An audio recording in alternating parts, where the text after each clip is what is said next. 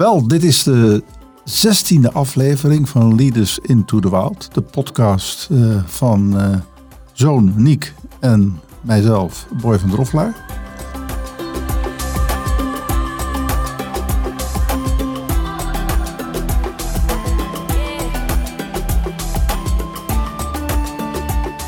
Wij gaan deze keer in gesprek met, met Maarten, Maarten Jacobs. Maarten ken ik al ruim tien jaar. En uh, Maarten is uh, professor aan de Wageningen Universiteit. En was ook mijn, een van mijn uh, ja, promotoren, om het zo te noemen. Supervisors heet het tegenwoordig in het Engels. En heeft mij ongelooflijk veel geholpen in, in het ja, maken van mijn, van mijn proefschrift. En daar ben ik hem ontzettend dankbaar voor. En ik ben ook weer erg blij dat hij vanmiddag uh, onze gast is, uh, Niek. Ja, mooi. Maarten, jij, welkom. Jij was paranimf. Dank je. Ik was paranimf. Ja, dus de laatste keer dat we elkaar zagen was twee jaar geleden. Vertel ja. eens Maarten, hoe gaat het met je? Hoe zit je erbij? Ja, heel goed. Uh, we hebben net vorige week een conferentie georganiseerd. Die is goed gelopen. En ik ben helemaal tevreden relaxed. Ja, mooi. Die conferentie gaan we het ook nog over hebben. Dat, dat we heten Pathways in Europe. Het ging over de relatie tussen human en wildlife en, en de coexistentie daarvoor. Ja. En daar is veel over te doen, dus daar kunnen we uiteraard in deze podcast over hebben. Ja, maar Maarten, laten we eens even terug aan het begin. Ik bedoel, jij bent een natuurmens en, en aan de andere kant wetenschapper. En heb een proefschrift geschreven dat heet The Production of Mindscapes. Nou, daar moet het ook over hebben. Mm -hmm. Maar hoe is het zo gekomen? Wat was jouw eerste natuurervaring? Mijn eerste die ik herinner, die ik als uh, ja, belangwekkend hè, of opvallend uh, zou omschrijven. Toen was ik klein kind, uh, opgegroeid in het dorpje Asten. En daar ligt ook natuurgebied Grote Peel. Daar gingen wij vaak heen. en daar waren mierenhopen van anderhalf of twee meter hoog te vinden. Daar was ik echt bijzonder door gefascineerd als kind. Al die mieren, piepkleine beestjes, die samen een groot bouwwerk maken. En dat laten functioneren. Dus je ziet rijen mieren, voedsel aanslepen, nieuwe bouwstoffen. Voor mij was dat uh, achteraf omschreven een inkijk in een heel andere wereld. -hmm. Mooi. En, en, en, en is dat ook een, een uh, ja, noem het maar, motivator geweest om uh, naar Wageningen te gaan? Geen idee. Nee. ik heb het gevoel um, dat ik keuzes maak uh, ja, bijna intuïtief. En achteraf kan ik daar een prachtig verhaal van maken. Als je wil carrière opbouwen. Of, maar het voelt voor mij een beetje dat ik gewoon doe wat ik doe. Um, soms instant choices, dat ik ook niet weet wat vandaan komt, maar gewoon denk, hé, hey, dit lijkt me leuk. Ga ik dan doen.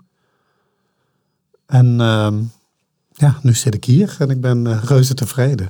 Wat ik nog wel weet als kind, is dat uh, ik schat dat ik een jaar of vijf was.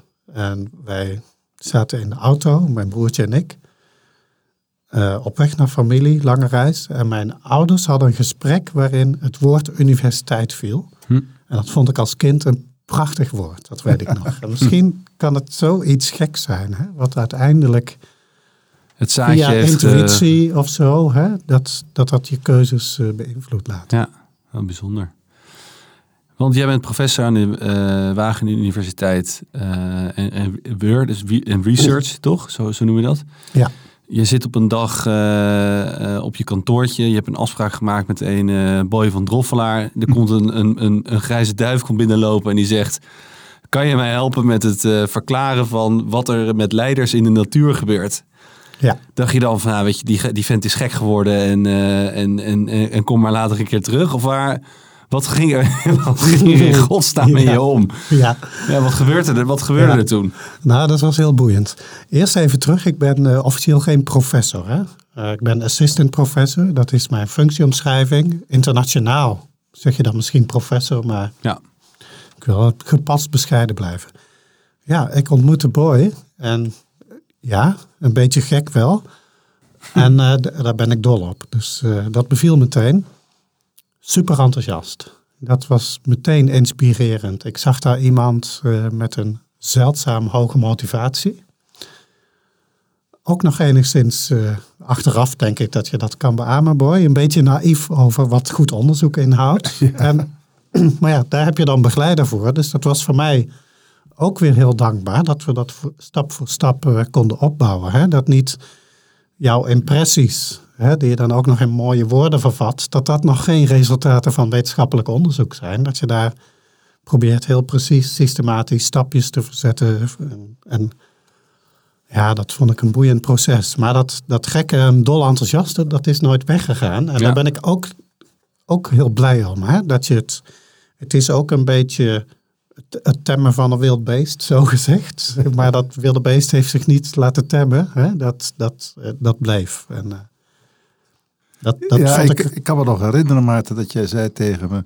Hè, want ik, ik, ik, ik draafde al door van eh, ze hebben daar bepaalde ervaringen. En dan, en dan gebeurt er iets met die mensen. En dat verandert allemaal. En ze worden betere leiders en zo. En daar wil ik het op focussen. En dat je toen tegen me zei.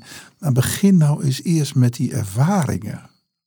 En eh, sta eens stil. Wat is nou eigenlijk een ervaring?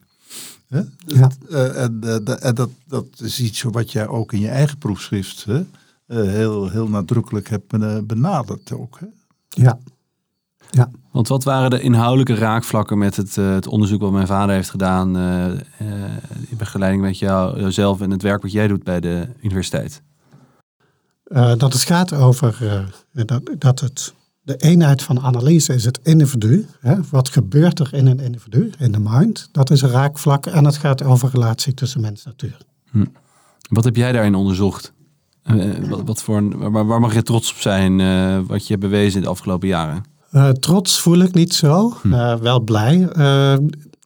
Mijn focus ligt, als het gaat om een unieke focus, hè, in, het, in het internationale veld van onderzoek op de emotionele relatie die mensen hebben met wilde dieren.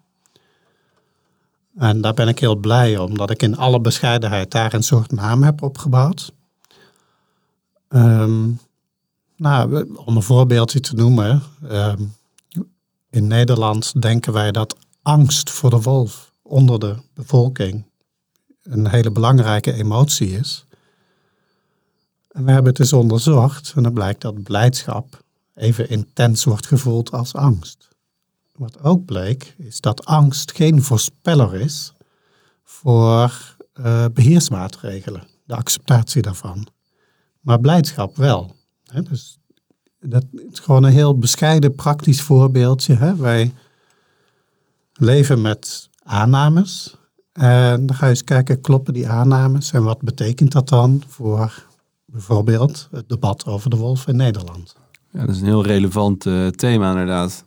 Ja, Ja, waar jij dan vanuit de, vanuit de wetenschap een bijdrage aan probeert te leveren. Lukt het je dan ook om dat te verwoorden richting het ja, debat, zoals je dat zelf noemt? Of, ja ik, ben, ik voel mezelf niet een eh, publiek figuur. Eh, als mensen me vragen, dan kom ik graag een keertje.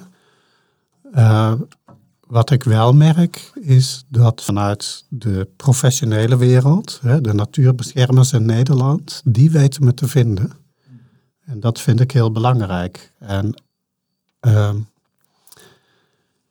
die wereld is doordrenkt van een biologische, ecologische invalshoek. Dus het gaat mij niet om die mensen direct te helpen van eh creëer fans in Nederland. Dat kan ook helemaal niet. Ik probeer ook niet mensen te veranderen. Ehm, maar aan biologen, ecologen inzicht te geven van, hey, waar heb je het over als je het over mensen hebt? Gaat het alleen maar over kennis of gaat het ook over andere dingen? Hoe kan je met mensen communiceren? Wil je daar aannames over doen of wil je naar ze luisteren? En daar ben ik heel blij om dat eh, mensen van eh, natuurorganisaties mij weten te vinden soms. Even terug weer, Maarten, naar jou, jouw proefschriften. Eh, eh, daarin staat eh, dat je onderscheidt, dat moet- je maar eens even uitleggen, tussen matterscapes, powerscapes en mindscapes. Ja, Kun je dat eens uitleggen, wat, dat, wat, dat, wat, wat je daarmee bedoelt? ja.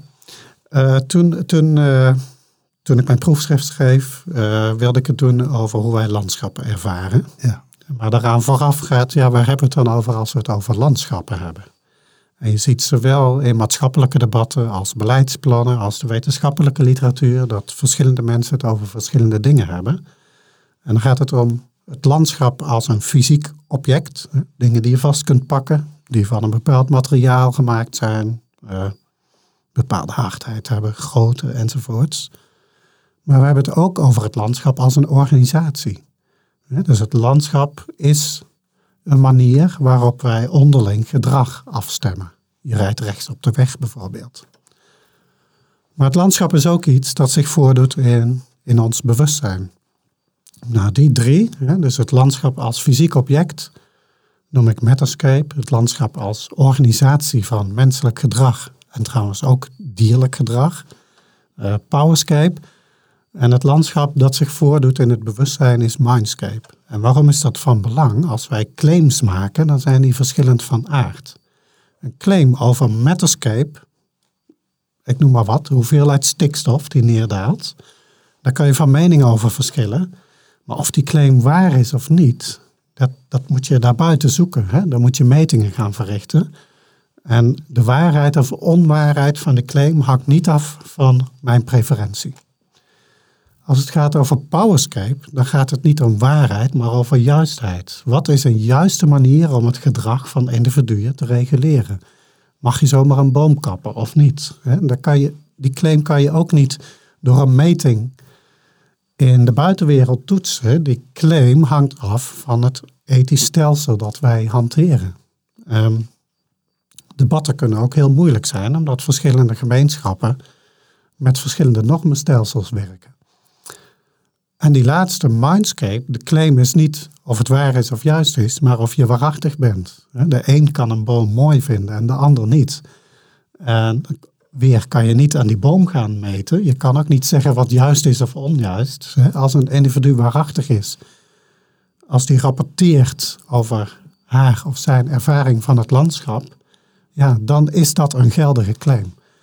Dus als we het alleen maar over de waarheid hebben in het publieke domein, ja, dan zijn we dus heel beperkt bezig. Dat is maar één uitsnede. Dus dat, dat was eigenlijk de, de achtergrond Ja. van die driedeling. Ja, en in die mindscapes, hè, de, dat is dus vooral de subjectieve beleving van het individu. En misschien Ja. ook wel de subjectieve beleving van het dier. Ja, Hè? Ja, vanuitgaande dat er ook een zekere vorm van bewustzijn bij dieren eh, is. En ja, dat was ook natuurlijk het raakvlak met eh, de mensen die op trail gaan.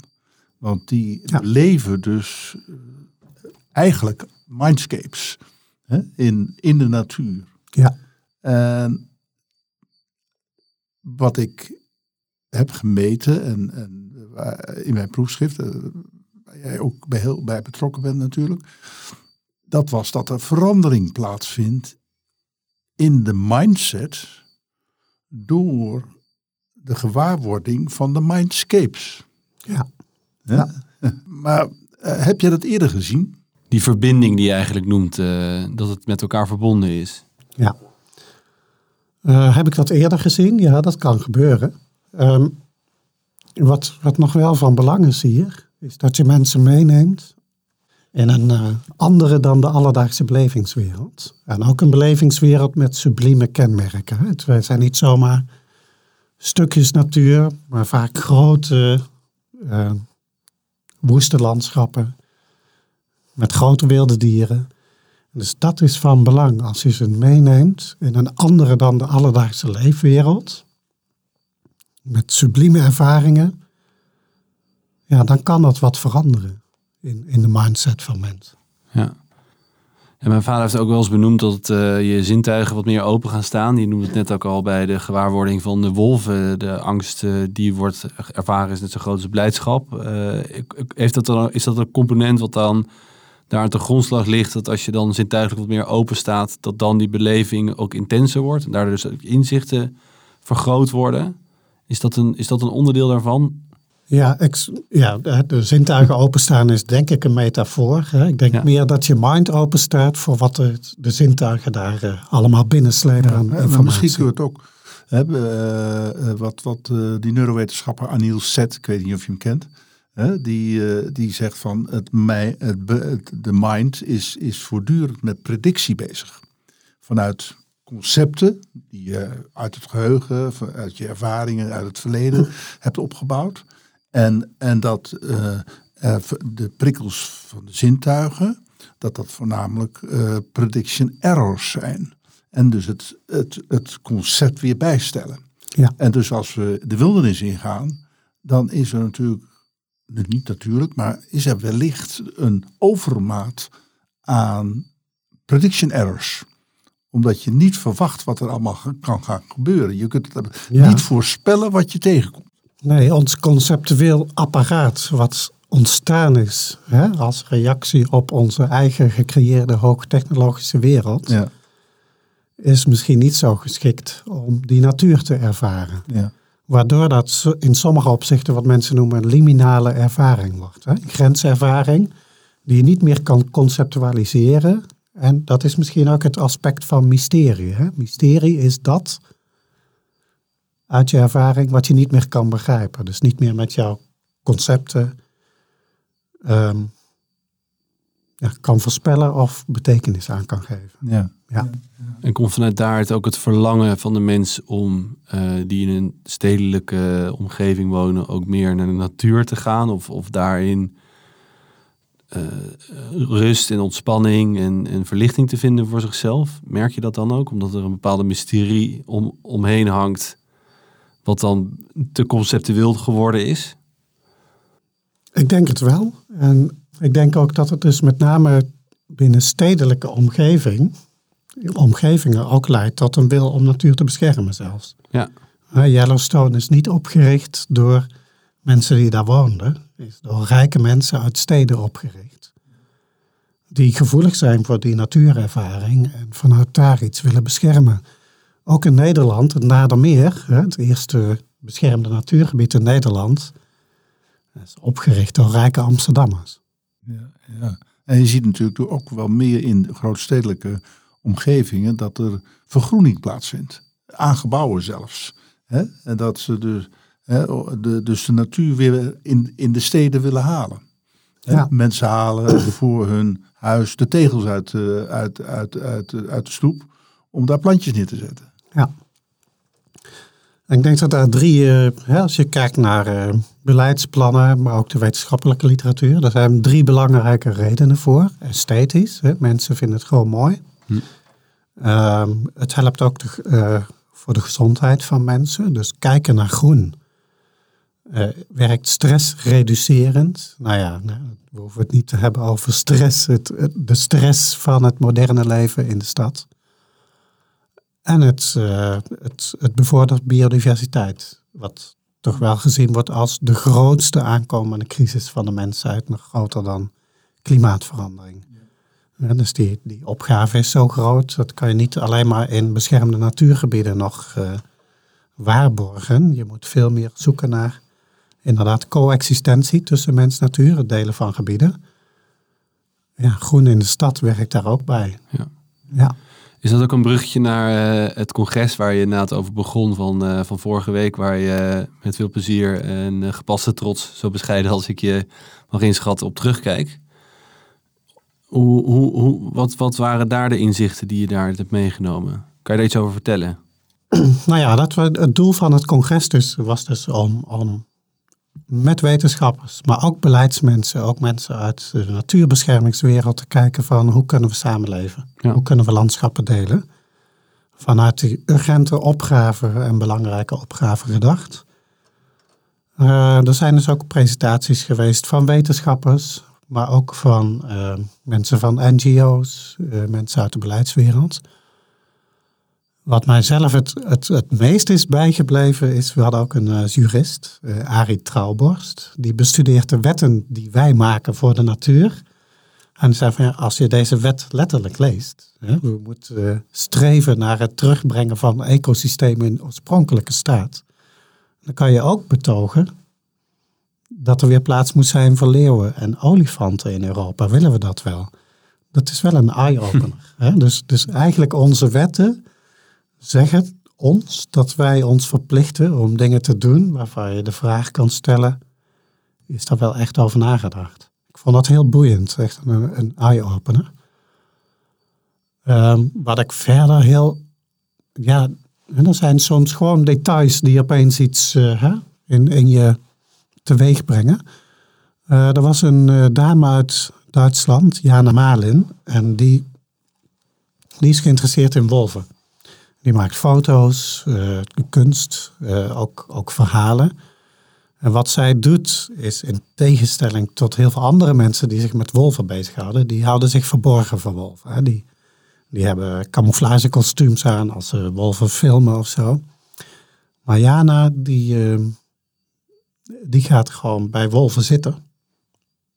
Net zolang tot ze haar op zijn minst tolereren, of misschien wel als een vriend van het roedel zien. Dus die interacteert met wolven. En vanuit daar neemt ze foto's, dus gewoon recht voor de neus. Als Jana, als een mens met een fototoestel. En die wolven vinden het goed. Ze heeft jarenlang, is die, ik noem het vriendjes geweest, hè, met een uh, roedel uit Yellowstone. Nu is, uh, raakt ze bevriend met een roedel uit Lausitz. Maar zij doet ook onderzoek naar mensen, misschien niet strikt wetenschappelijk, maar zij stelde de vraag aan mensen op straat: als je iets tegen de wolf zou willen zeggen, wat zou je dan zeggen? En ook andersom, als jij denkt dat de wolf iets tegen ons, mensen, wil zeggen, wat zou de wolf dan zeggen? En wat bleek uit uw antwoorden? Een hele grote compassie voor wolven. Dus uh, houd afstand, dan is alles veilig. Uh, uh, de wolf van alsjeblieft, hè, zorg dat ik ook een plekje heb in het landschap. 90% van de responsen, daar, daar, daar sprak vanuit mij gezien heel veel compassie uit. Vergelijk je dat met attitudestudies, dan zeggen mensen, nou ja, hè, dus dat is gemiddeld net een beetje positief. Hè? Maar het ligt zo dicht tegen neutraal aan. In Nederland is dat zo, in het buitenland ook. Ik dacht, wat is nou het verschil? Hè? Als je een attitude meet, volgens mij vraag je dan om een beoordeling van de wolf als een object. Maar die vraag die Jana stelde, is de wolf als een gesprekspartner. En hoeveel, hè, dus dat is een impliciet frame, wat door die vraag wordt geïntroduceerd.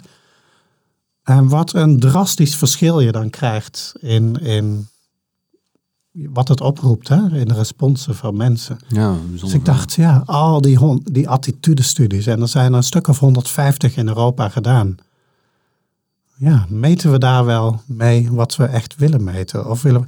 Van de andere kant, ja, de wolf als gesprekspartner is ook een ja, kunstmatige gedachteconstructie, zou je kunnen zeggen. Maar dat heeft mij wel heel veel uh, aan het denken gezet.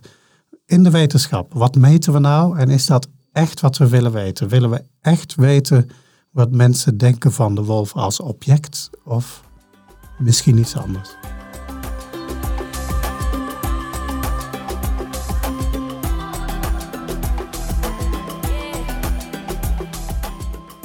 Ik ben persoonlijk geïnteresseerd in, uh, in, in faunabeheer in uh, Nederland. Uh, ik heb daar ook een opleiding voor gedaan om ja, voor mijn manier om dichter bij de natuur te komen. Mm uh, en ik, hou, ik hou dat ook goed bij. En de komst van een wolf wordt, wordt in eerste instantie als positief ervaren op de Veluwe en andere gebieden in Nederland. En, maar je ziet ook dat bijvoorbeeld ja, de, de wat beperkte populatie aan mouflons in Nederland toch al onder druk staat door de wolf. Nou kan je zeggen, ja, dat is een natuurlijke predator voor de mouflon. En, en dat, is, dat is het natuurlijke evenwicht van het ecosysteem. Daarbij moet ik wel zeggen dat uh, ja, in een zo'n druk bebouwd en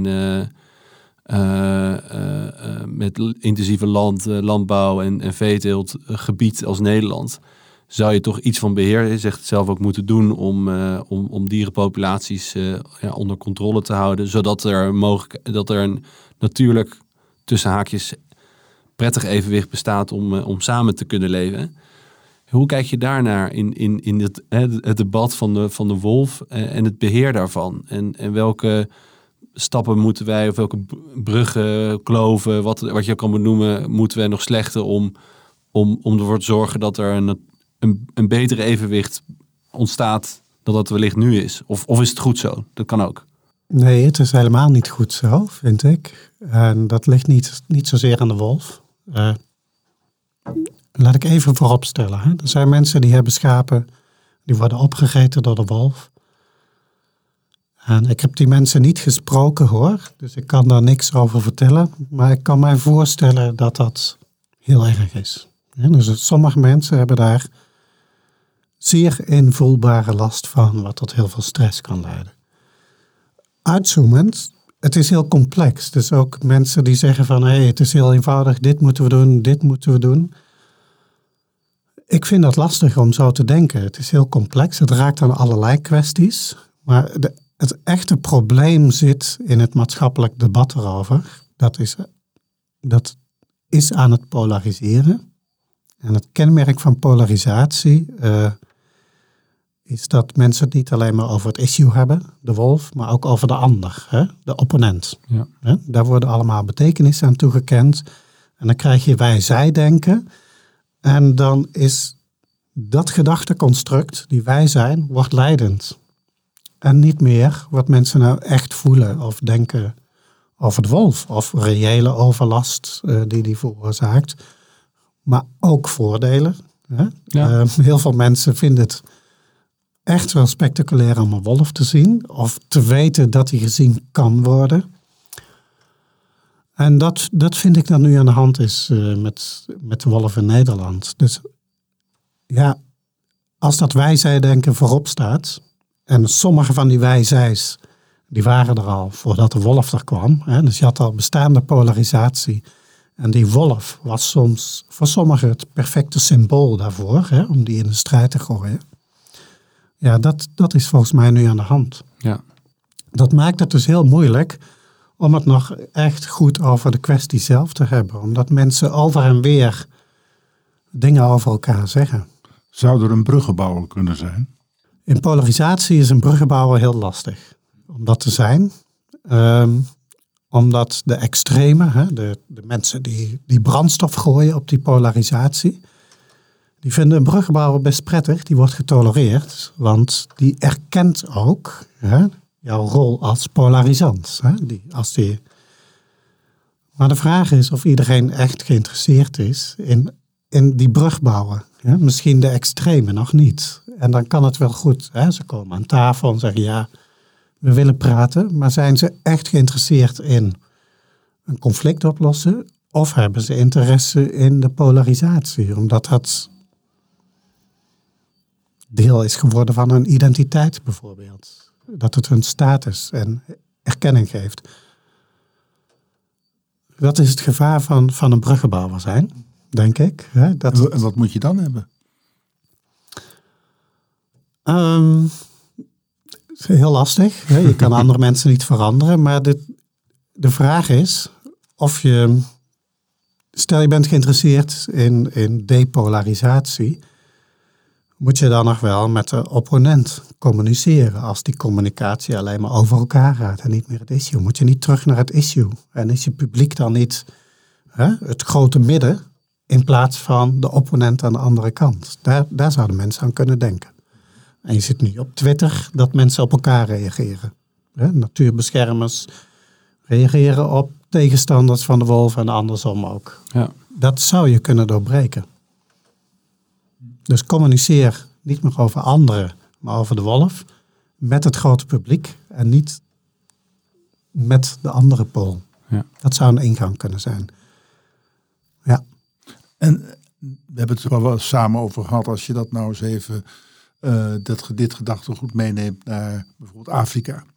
Jij noemt het altijd mooi, hè, dat het conflict of de coexistentie, dat is meer positief dan tussen linker dieren en arme mensen. Uh, hoe zou je, wat, wat is daar nou een, een geschikte aanpak voor? Ik vind het heel lastig om in het algemeen over een geschikte aanpak uh, te spreken. Hè? Want er zijn heel verschillende contexten, dieren, historisch ook. Um, wat ik wel weet is dat het natuurbeschermingsmodel uit het Westen is gewoon geëxporteerd naar Afrika. Hè? Met geld, hè, goede doelen geld. Um, En in het begin was dat vooral de natuur beschermen en de plaatselijke bevolking. Nou ja, soms moesten die zelfs weg uit bepaalde gebieden. Hun bestaande manieren van omgaan met de natuur, inclusief bushmeat oogsten bijvoorbeeld. Dat werd dan verboden. Maar ook op een basis, een financiële basis, die wankel was. Van ja, nu krijgen we wel geld van filantropen. Maar hoe zit dat over tien jaar? Is, is dat geld dan hebben we hier van alles veranderd. En dan stopt die financiering. Wat dan? Nou, er is wel van geleerd van je moet met de bevolking werken. Ehm, ja, en dan, dan vraagt toch iedere context om een eh, maatoplossing, denk ik. Ja, het scheelt nogal wat of het olifanten zijn of leeuwen, hè, waar je een oplossing voor moet vinden. Ja. Maar zijn er voorbeelden van oplossingen eh, die perspectief bieden, laat het zo noemen? Ehm, nou, sowieso, het is, is deel van het perspectief is hoe je ehm, mensen die daar wonen een leven kan bieden. En inkomsten kan bieden.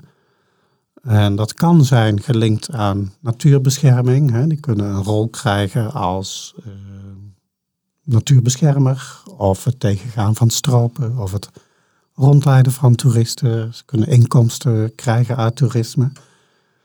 Beetje dubbel is het wel, want die toeristen komen dan weer met vliegtuigen. En dat is ook niet eh, per se heel goed voor de planeet. Hè. Eh, maar dat, dat, dat is echt de ingang. Hè. Wat is het toekomstige levensperspectief voor de plaatselijke bevolking? Zou denk ik altijd de ingang moeten zijn. Ja. Nu bij, bij boeren misschien in de stikstofkwestie ook een... eh, nou, dat is ook erkend, hè? een grote vraag. Wat is het perspectief? Ja. Ja. Ja. Ja, ja we hebben het in een, een ik weet niet wanneer, welke, ik geloof de elfde podcast gehad met eh, Ian Reid. Dat is een Zuid-Afrikaan. Die is oprichter van de Kent Shaan, die stichting. Die zich met name bezighoudt met eh, ja, toch eh, het, het, eh, de coexistentie van de lokale bevolking met wildparken. Waar ze door de apartheid vroeger niet in mochten komen. Ja. En, en daar natuurlijk ook een, een soort, soort eh, ja, ingebouwde aversie tegen hebben. Om die ja, te, eh, ja, te, te helpen om ja, die, die, die, die ruimte van de wildparken in te gaan.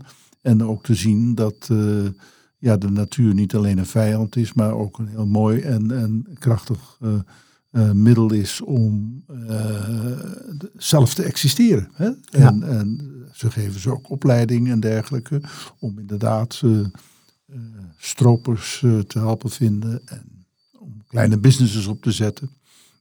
Toeristen rondleiden en dergelijke.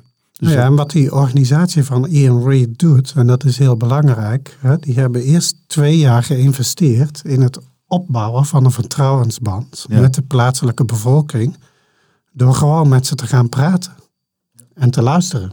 En in het begin was er ook heel veel wantrouwen, van ja, je komt hier praten, wat wil jij, was meteen. Hè? Van, nee, ik wil alleen maar luisteren. Ja, maar wat, wat, wat krijg je daarvoor? Wat verdien je daarvoor? Ja, wat Nee, zit erachter? Ja. dus dat duurt heel lang en dat heeft eh, een jaar of twee geduurd. En toen was het, oké, ze willen dus echt ook voor ons zorgen, bij wijze van spreken, hè? dat gevoel. Ja. Ja, Dus dat is een route die, eh, die wel perspectief zou bieden. dat denk ik wel. Ja, En ik denk zelfs op lange termijn de enige route. ja. Ja, oké.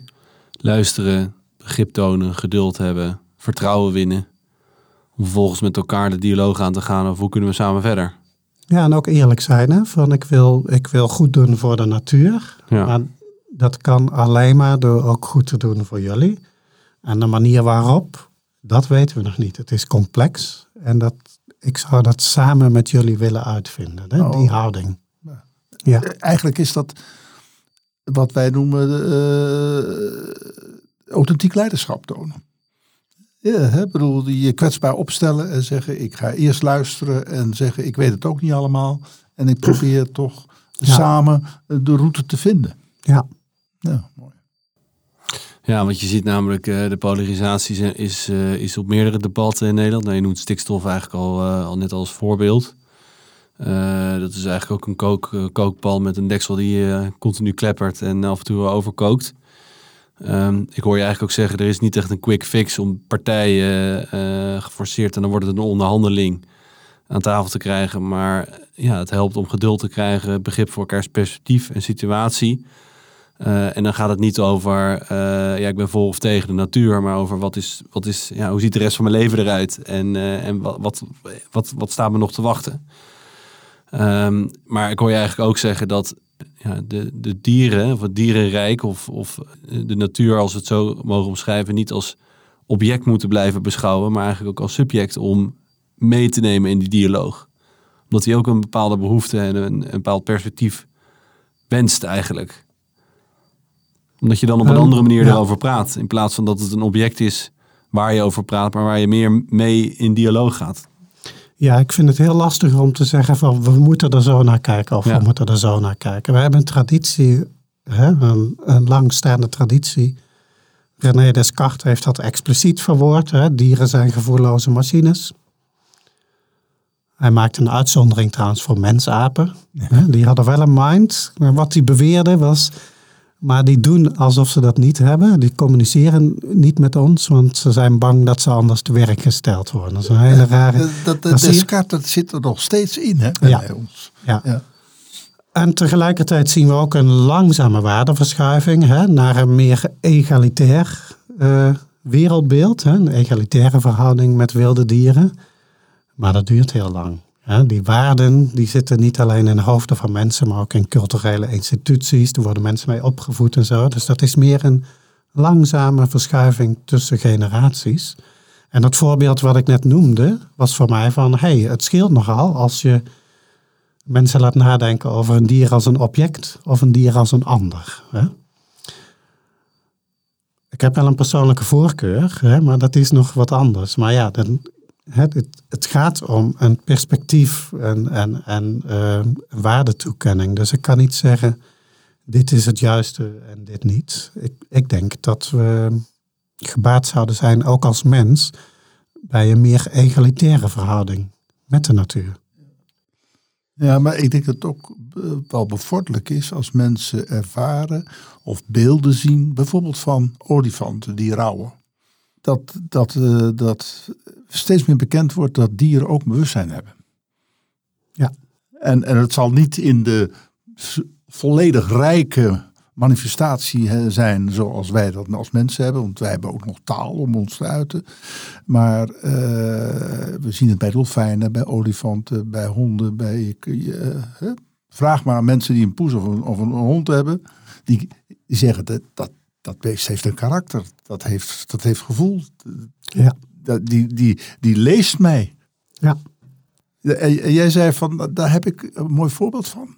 Nou ja, eerst even bewustzijn is sowieso nog een heel lastig probleem Ja. in de wetenschap. Hè. Niemand weet hoe bewustzijn voortkomt uit hersenprocessen.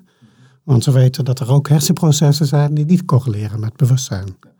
Je hersenen sturen signaaltjes aan je hart van eh, het moet blijven kloppen. Dat verschijnt niet in ons bewustzijn, maar andere hersenprocessen dragen er wel aan bij.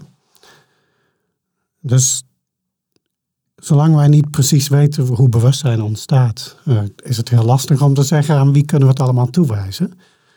Wat wel blijkt uit onderzoek, bijvoorbeeld Frans de Waal, is dat heel veel dieren capaciteiten hebben, mentale capaciteiten, waarvan eerder gedacht was, die hebben ze niet, of daar moeten we het in ieder geval niet over hebben. We moeten niet menselijke eigenschappen op dieren projecteren. Nou, ze blijken dus heel veel van die eigenschappen wel te hebben. Ehm, en dat is ook heel belangrijk, denk ik, als het gaat om eh, of wij ons als mens kunnen inleven in die dieren. Ehm, ik heb een keer onderzoek gedaan met een student, Michel Harms heet hij, wil ik nog even noemen. En dat ging over ehm, eh, toeristen aan boord van een walvistour. Eh, Het was een boottocht in, van drie uur. Mensen gingen walvissen zien en de gids aan boord vertelde wat over. En wij wilden weten, maakt het uit wat je vertelt? De inhoud van je verhaal, roept dat nog verschillende dingen op in mensen. We hadden één conditie, de gids vertelde niks. Vonden mensen een beetje raar, maar goed. Eén conditie was puur kennis. Hè, van er zijn zoveel soorten walvissen, dit is wat ze eten. De ander ging, was verantwoordelijkheid, hoe wij met ons handelen het leven van walvissen beïnvloeden. En de laatste conditie, het verhaal, ging over emoties. Dus, dus proberen om menselijke emoties te herkennen in de walvissen die, echt, die je concreet ziet. Van kijk, daar is die moeder weer en die zorgt zo goed voor jonkie. Ze houden van elkaar, dat soort dingen.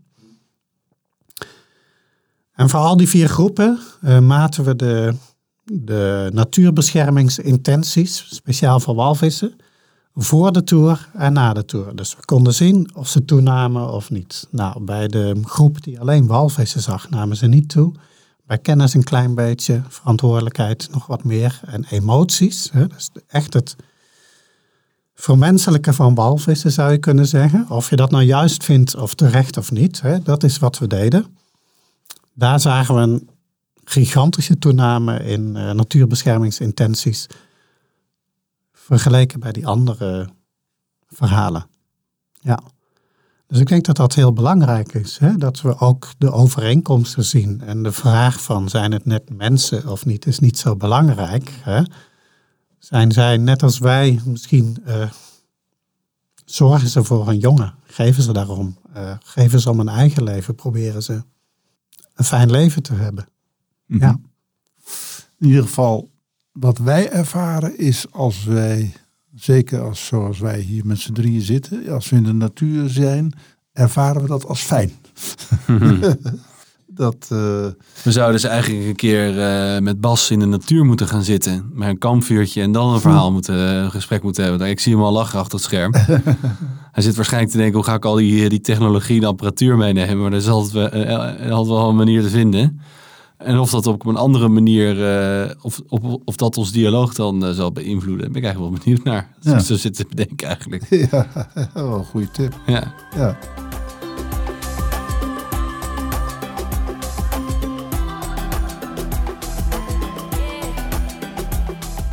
Weet je Maarten, het is een, misschien een beetje een, een, een, een, een vraag die je niet aan een wetenschapper mag stellen, maar ik ga het toch doen. Hoe ziet jouw uh, ideale wereld eruit over een aantal jaar wat je zelf mag bepalen als je het hebt over de onderwerpen die we tot nu toe hebben besproken met elkaar? Wat is, jouw, uh, wat is jouw droom als je dat mag doen? Nou, naast wetenschapper ben ik ook gewoon mens, hè? dus hmm. je mag me alles vragen. Uh, ja, ik vind het heel lastig. Ik, kijk, ik kan wel zeggen van, oh, dit zou ik fijner vinden, dit, dit, dit. Maar dan is het vertrekpunt toch mijn eigen perspectief wat mij zorgen baart in de hele westerse wereld als cultuurkenmerk. En dat kan, kan je ook geen enkel individu kwalijk nemen. Beleidsmakers niet, wetenschappers niet, politici niet. Is de moeite die wij hebben om met menselijke emotie, onze emotionele verbindingen, een goede plek te vinden in het debat. Dus politici die hebben wel de neiging om te zeggen, ik snap de emotie, maar we moeten rationele beslissingen nemen. Wetenschappers denken hetzelfde. En emoties worden wel erkend hoor, die bestaan, maar dat, dat zijn meer privé dingetjes. Hè? Daar moet je zelf maar mee dealen. Dat idee. En de gedachte is daar, daarachter is, en de, Descartes speelde daar een rol in, uh, Freud ook, Kant, Plato, is het idee dat ratio en emotie tegengesteld zijn. En dat, dat is al niet terecht. Hè? Dat, dat blijkt uit hedendaagse wetenschap. Um, en je kan ook heel simpel dat zelf ook wel bedenken. Hoe, wat is je startpunt van rationeel denken? Dan heb je wel iets nodig waarover je rationeel denkt. Je kan niet rationeel denken over niets. Ja, waar komt dat iets vandaan? Ja, dus uit iets anders dan de ratio, uit onze emotionele verbinding met de buitenwereld. Iets dat wij van belang achten. Dus de tegenstelling klopt al niet. Maar de conclusie die vervolgens uit die niet kloppende aanname over tegenstelling wordt getrokken, is dat we dus ook niet rationeel over emoties kunnen denken. Dus rationeel, je kan prima rationeel over emotie nadenken. Volgens mij doen wij dat nu, op dit moment. Hè? Wij analyseren gewoon het fenomeen emotie. Dus de neiging om emotie daar buiten te houden, niet op zoek te gaan naar emotionele verbindingen die een rol spelen, die baart mij zorgen. En dat is ook heel moeilijk, want dat gaat tegen in, in, tegen hoe wij gevormd zijn. Maar daar ligt wel een opgave. En als we daar, als we dus emotionele claims, claims die mensen maken over hun eigen emotionele verbindingen met de buitenwereld, als je die in ieder geval kan accepteren als valide beginclaims, hè, gewoon als inventarisatie, daar nieuwsgierig naar zijn, daar ook met elkaar over durven te praten. Hè? Want als het wordt buitengesloten, is het ook voor mensen die zeg droevig zijn over het, over het uh, overlijden van uh, grote herbivoren in de Oostvadersplassen hè, door honger. Is het ook moeilijk om, om daar gewoon eerlijk over te zijn. Dan moeten ze meteen al dat anders verpakken, rationeel verpakken, om het als een geldige claim te kunnen presenteren. Ik denk dat daar een grotere opgave ligt. En ik denk, en dat, daar ben ik heel hoopvol van als dat lukt, dat dan dat dat bij kan dragen aan het zoeken van wegen naar een betere wereld. En ook inclusiever dan uh, momenteel het geval is. Ja. Prachtig verwoord, uh, Maarten. Dankjewel. En uh, heel veel stoffen ook weer om door over te filosoferen en, en na te denken.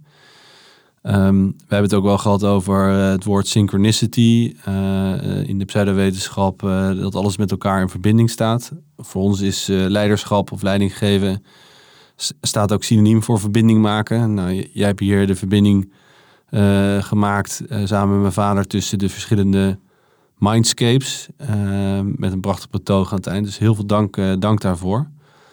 Ik mag, ik mag het woord aan jou geven, Paul, om, om nog een laatste woord te... ik, ik vond het heel bijzonder, Maarten, dat je aan deze podcast hebt meegewerkt. In deze prachtige dialoog die we met elkaar hebben die is niet afgerond, die kan ook nooit afgerond zijn. Eh, eh, het leven gaat door, de zoektocht gaat door, de kweeste, hè, de hm. zoektocht. En heel veel mensen uh, leren steeds meer de natuur. om, ja, die ontdekken steeds meer de natuur om die kweeste, die zoektocht daar te laten plaatsvinden. Ja. En soms, uh, en heel veel merken wij ook wel, en, en, en, en dat kan zomaar gebeuren, dat ineens die natuur je de ingeving geeft tot een weg uh, van, hé, hey, die kant moet ik op. En dat uh, hebben we ook in deze dialoog weer gezien. We hebben diverse mooie wegen verkend, maar de weg gaat verder. Dank je wel. Ja. Ja, bedankt voor de uitnodiging. Mijn oproep aan leiders, in welk gebied dan ook, zou zijn van probeer eens na te denken hoe je emoties van mensen, en dan bedoel ik niet uh, als je even intens emotioneel bent, hartstikke kwaad of zo, hè, dan is het even cooling down. Maar welke emotionele verbinding ligt daarachter? Om daar nieuwsgierig naar te zijn, op zoek naar te gaan en dat is nu nog een verkenningstocht. De modellen hebben we nog niet. Dat, dat zou ik mooi vinden als mensen daar uh, mee aan de slag gaan. Er is een hoop te doen nog. Wetende dat het heel moeilijk is. Ja. Mooie oproep. Dankjewel ja. Maarten. Dankjewel Pa. En uh, tot de volgende aflevering van uh, Leaders into the Wild. we mogen met trots zeggen dat we een vaste fanbase hebben van 300 man. En dat we bijna de 5000 geluisterde afleveringen naderen. Dus de olievlek van, uh, van onze evangelie van natuur en leiderschap uh, wordt steeds groter. Uh, en die dragen we ook steeds meer uit in onze eigen zoektocht naar, naar wat er allemaal te vinden is in deze prachtige wereld. Dank jullie wel en tot de volgende keer.